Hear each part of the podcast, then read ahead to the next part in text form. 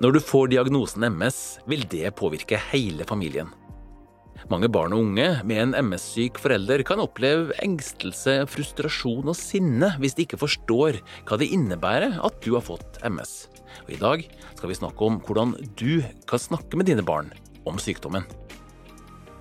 Velkommen til MS-podden.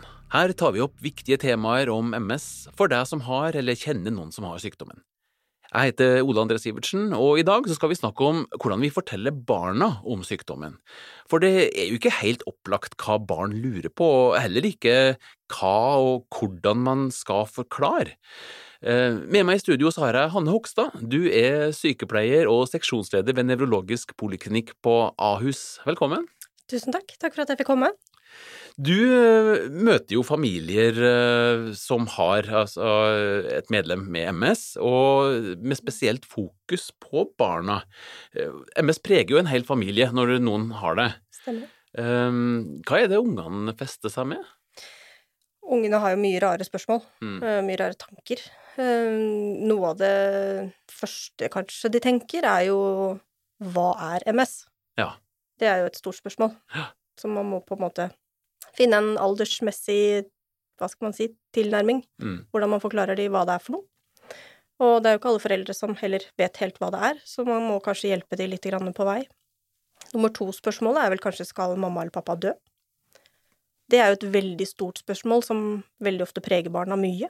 Det blir så konkret med en gang for barna, liksom? Veldig konkret. Barn er veldig konkrete, egentlig.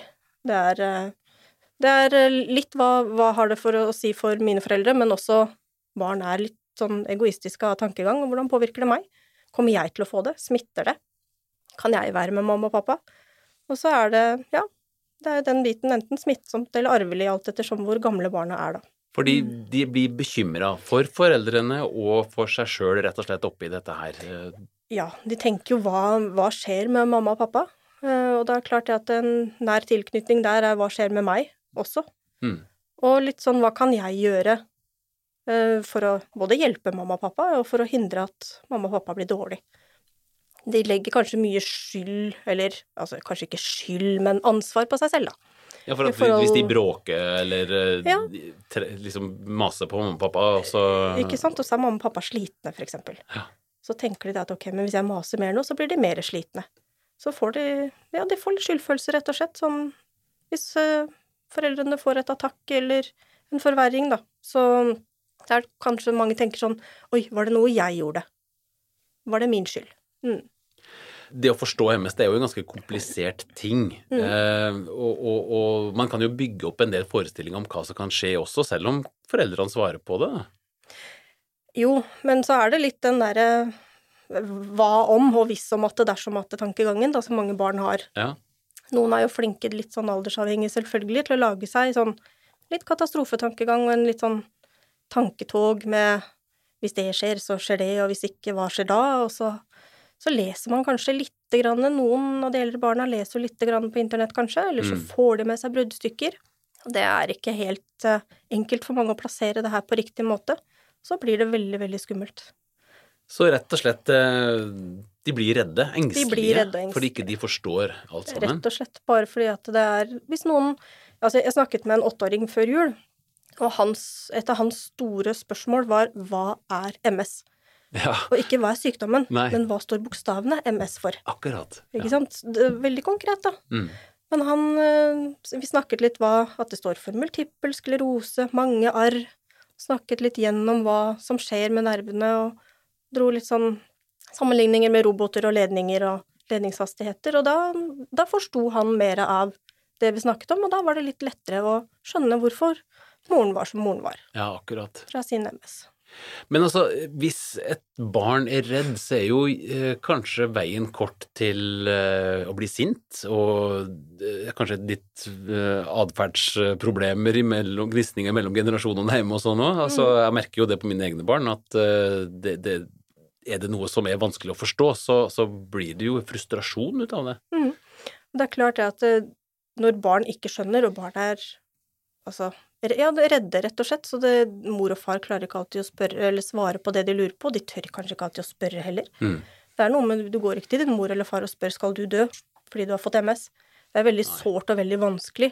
Og da utagerer man gjerne, og da er det kanskje de rundt som legger merke til det mest. Det kan jo gå litt utover både skole og barnehage. Kanskje andre søsken også. Og noen sperrer foreldrene helt ute, eh, og vil ikke prate med dem. Og noen spør og spør og spør og spør og spør, helt utmattende egentlig for, for da de voksne. Og da er det Dette seg jo veldig forskjellig, da. Veldig forskjellig. Og det er jo der vi kommer inn, da, i forhold til at eh, vi snakker med pasientene. Altså når de får diagnosen, vi informerer om at vi er der. Vi tilbyr oss å snakke med familien, barna. Vi tilbyr oss å sette de i kontakt med personer ute i kommunen, altså helsesøster, de i barnehagen, de på skolen, mm. sånn at de skal ha noen de kan prate med andre enn foreldre. Dere tilbyr i førstelinja egentlig mm. en samtale, og ja. hvordan foregår en sånn samtale?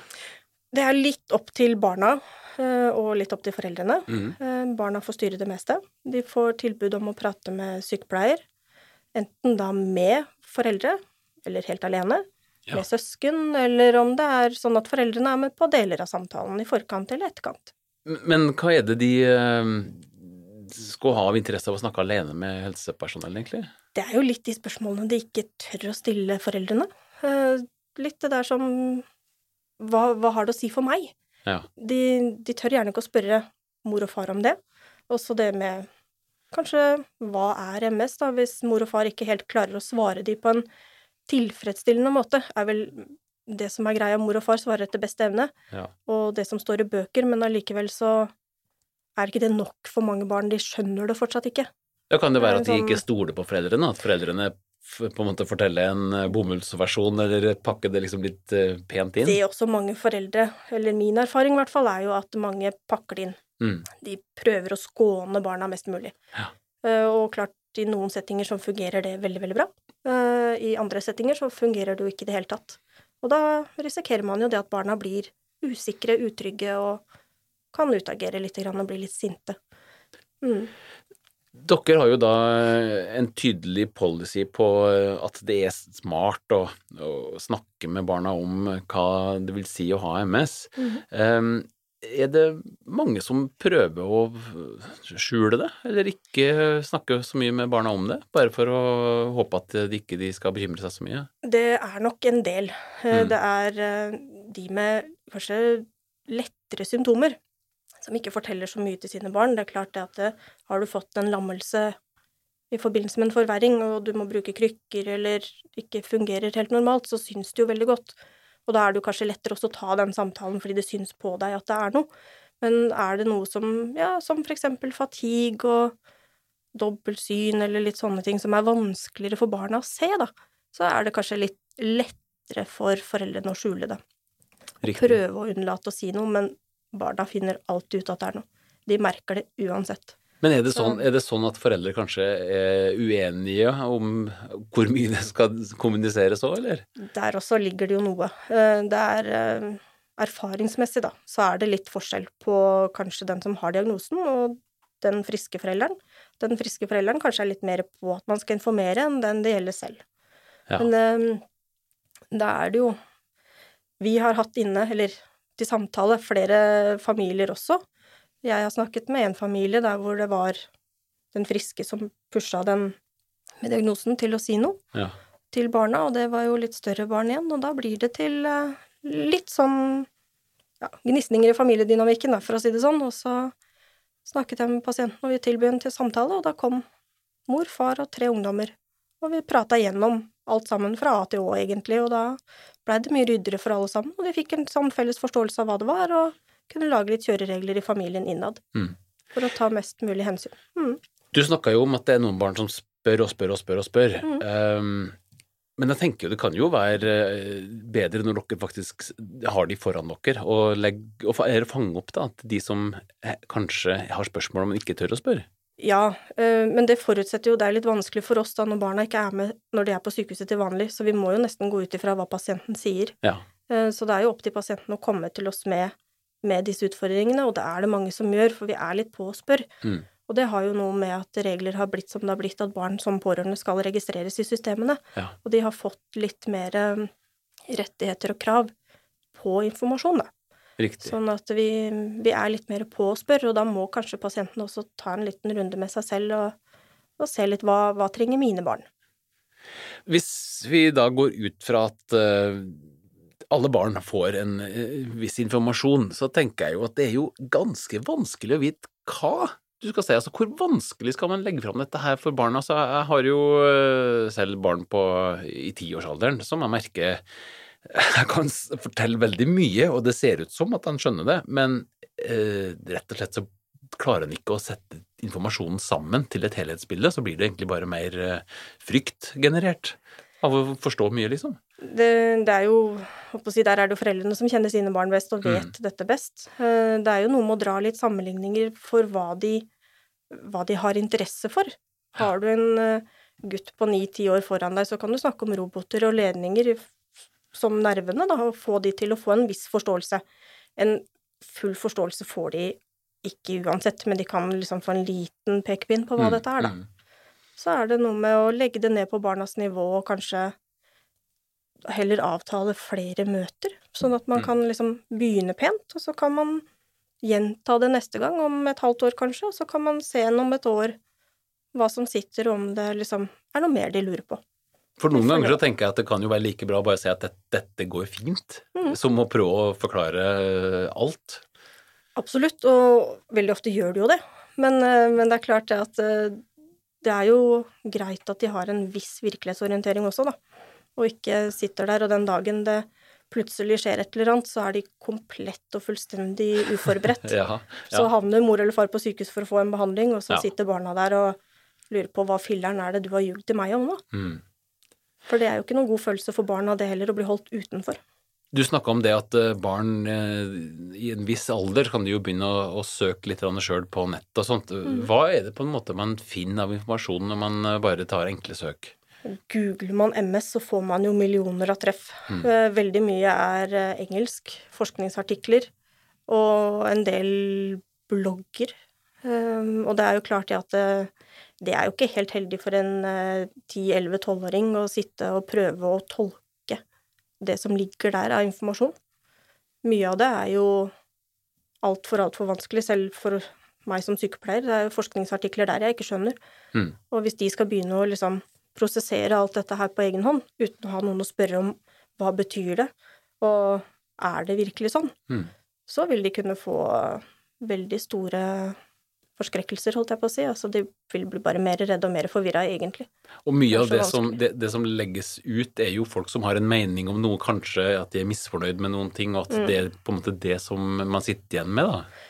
Ja, og det her fungerte for meg i en sånn hva skal man si, en ekstrem diett, for eksempel. Og så det er jo det er veldig mye sånne ting da, som ligger ute, og mm. litt frustrasjon og sinne over eh, behandlinger man ikke får i Norge, for eksempel, og kanskje kan få i utlandet. og det er jo gjerne det man, man roper ut om. Mm. Mm. Dere eh, på Ahus har en egen eh, barnesykepleier med mm. psykiatrisk kompetanse som hjelper til. Eh, er dette her et tilbud som er over hele landet, eller er det spesielt hos dere? Jeg er litt usikker på hvordan det er bygd opp resten av landet. Det jeg vet, er at alle sykehus er pliktige til å ha barneansvarlige sykepleiere på mm. alle avdelinger. Ja. Hvorvidt de har sykepleiere da med psykiatrisk kompetanse, det, det varierer nok litt fra, fra, avdeling til avdeling. Vi er kjempeheldige som har den ressursen hos oss. Og hun jobber jo veldig mye med samtaler med barn, ikke bare med MS-foreldre, men også med andre kritisk syke nevrologiske pasienter. Mm. Mm.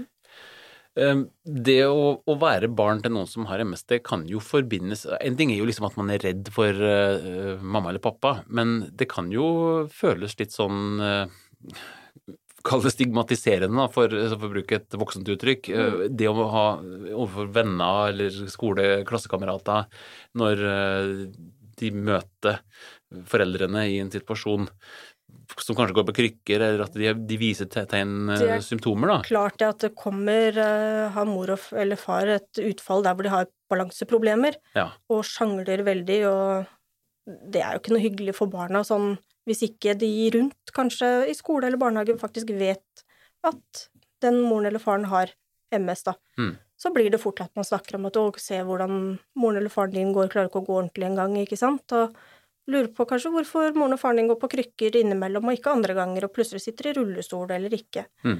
Og det er jo en normal ting for MS-pasienter med fatigue spesielt, ikke sant, å bruke krykker innimellom, rullestol innimellom, men det er vanskelig, for det syns ikke ut, altså på utsiden, mm. Hvorfor de gjør det. Hadde du sittet i en rullestol med gips, eller så hadde det jo vært mye lettere. Men får man snakka om sånne ting, eh, sånne følelser også, i en uh, samtale? Vi prøver å ta opp det. Jeg spør jo alltid hva, hva barnet selv føler, mm. Eh, og hva barnet tenker om at mor eller far har har MS. Jeg spør også hva har blitt annerledes med mamma eller pappa etter at de fikk en MS. Mm. Hva merker du, og hva merker dere i familien? Hva, må, ja, hva gjør dere annerledes, rett og slett, da? Mm. For det er jo noe med hva mamma og pappa kanskje orka før, og de kanskje var på alle skoleavslutninger, alle fotballkamper, håndballkamper, dans, turn, you name it, og så plutselig nå så orker de ikke. Og da er det jo litt vanskelig, og det er jo litt sårt for barna også. Kanskje være den eneste som ja, bare har med seg enten mamma eller pappa fordi den andre aldri kan være med fordi de rett og slett ikke orker. Det blir for mye. Finnes det noen møteplass som barn kan uh, se andre barn i samme situasjon? Uh, MS-forbundet vet jeg har hatt noen uh, sånne familiesamlinger. MS-forbundet har mye fint der. Mm. Så på MS, hjemmesiden til MS-forbundet ligger det en god del informasjon både til voksne som pårørende og MS-pasienter, og også retta mot barn. Jeg vet at dere har jobba mye med, med, denne type kommunikasjon for barna, og du har vært med å utvikle en brosjyre også? Ja, jeg har vært med å redigere en brosjyre for et firma. Det har jeg gjort med litt sånn morsomme illustrasjoner og sånn i forhold til å vise dobbeltsyn, balanseproblemer, hypersensibilitet. Det blir veldig sånn konkret for barna når vi leser den brosjyren, da. Det er veldig greit. Ja. Da kan man på en måte peke på at uh, Ser du den som ser to av seg selv i speilet? Sånn har mamma det akkurat nå. Mm. Eller at uh, der er det også bilde av en katt som gnir seg inntil uh, mor som skriker au. Og det er klart at uh, det er ikke så lett for barn å skjønne det med at man er overfølsom, eksempel, og det er litt sånne, sånne ting. Man har en mor som står på skøyter og beina sklir i alle retninger også i forhold til det med balanse. Så det blir veldig konkret, og de er veldig morsomme, fine tegninger. Den også finnes på MS-forbundet sine nettsider. Det handler mye om å få barna til å forstå at det de opplever eh, med sin mor eller far, er rett og slett helt naturlig for noen som har en sånn diagnose. Det er helt riktig. Det er noe med å normalisere det og gjøre det trygt og ufarlig. Mm. Og fortelle at sånn er det, og det vil kunne svinge. Eh, dette med fatigue og, og sånne ting vil svinge i perioder. Noen ganger orker man mer, andre ganger mindre. At barna selv ikke kan altså utløse det og forverre det på noen måte. De får ikke gjort noe for å gjøre mor eller far syk. Det er sykdommen som er sånn. Hvis vi skal oppsummere på en måte det arbeidet dere gjør, da, så, så, forstår jeg det sånn at eh, når barna ikke forstår eh, alt om diagnosen til mor eller far, så danner de seg sin egen virkelighetsforståelse, nesten, altså, som igjen kan generere mye frykt og engstelse. Og så sitter de også med veldig sånne basic spørsmål, slett, for å forstå hva MS er for noen ting. Mm. Og det hjelper dere med. Mm. Eh, dere er veldig tydelige på det at det, fra deres ståsted så er det det å informere og forklare barna hva MS er, og hvordan det arter seg, det er nyttig for barn å vite. Ja, det vil jeg si. Og så er dere jo veldig på tilbudssida, da, vil jeg si. Invitere hele familien til å komme til samtale og tilrettelegge materiell spesielt retta mot barn. Ja, så Barn er jo en viktig del, og det rammer jo en hel familie. og det er klart at Hvis barna ikke har det bra, så merker mor og far det også. Og det blir jo ikke noe godt for noen. Så hvis vi kan hjelpe barna på en så å si, enkel måte, da, ved å snakke med dem og, og, gjøre ting litt mer forståelig, så er jo det verdt alt. Det er det virkelig. Mm. Dette er jo virkelig et relevant tema for uh, mange familier. Fint å ha deg med i denne episoden, Hanne Hogstad, eh, sykepleier og seksjonsleder ved nevrologisk poliklinikk på Ahus. MS-podden er i regi av Biogen. Eh, jeg avslutter med å minne om at ved å abonnere på MS-podden, så kan du høre oss ta opp flere problemstillinger og viktige temaer om MS, forklart av folk med spesialkompetanse. Jeg heter Ole André Sivertsen. Takk for denne gang, og på gjenhør.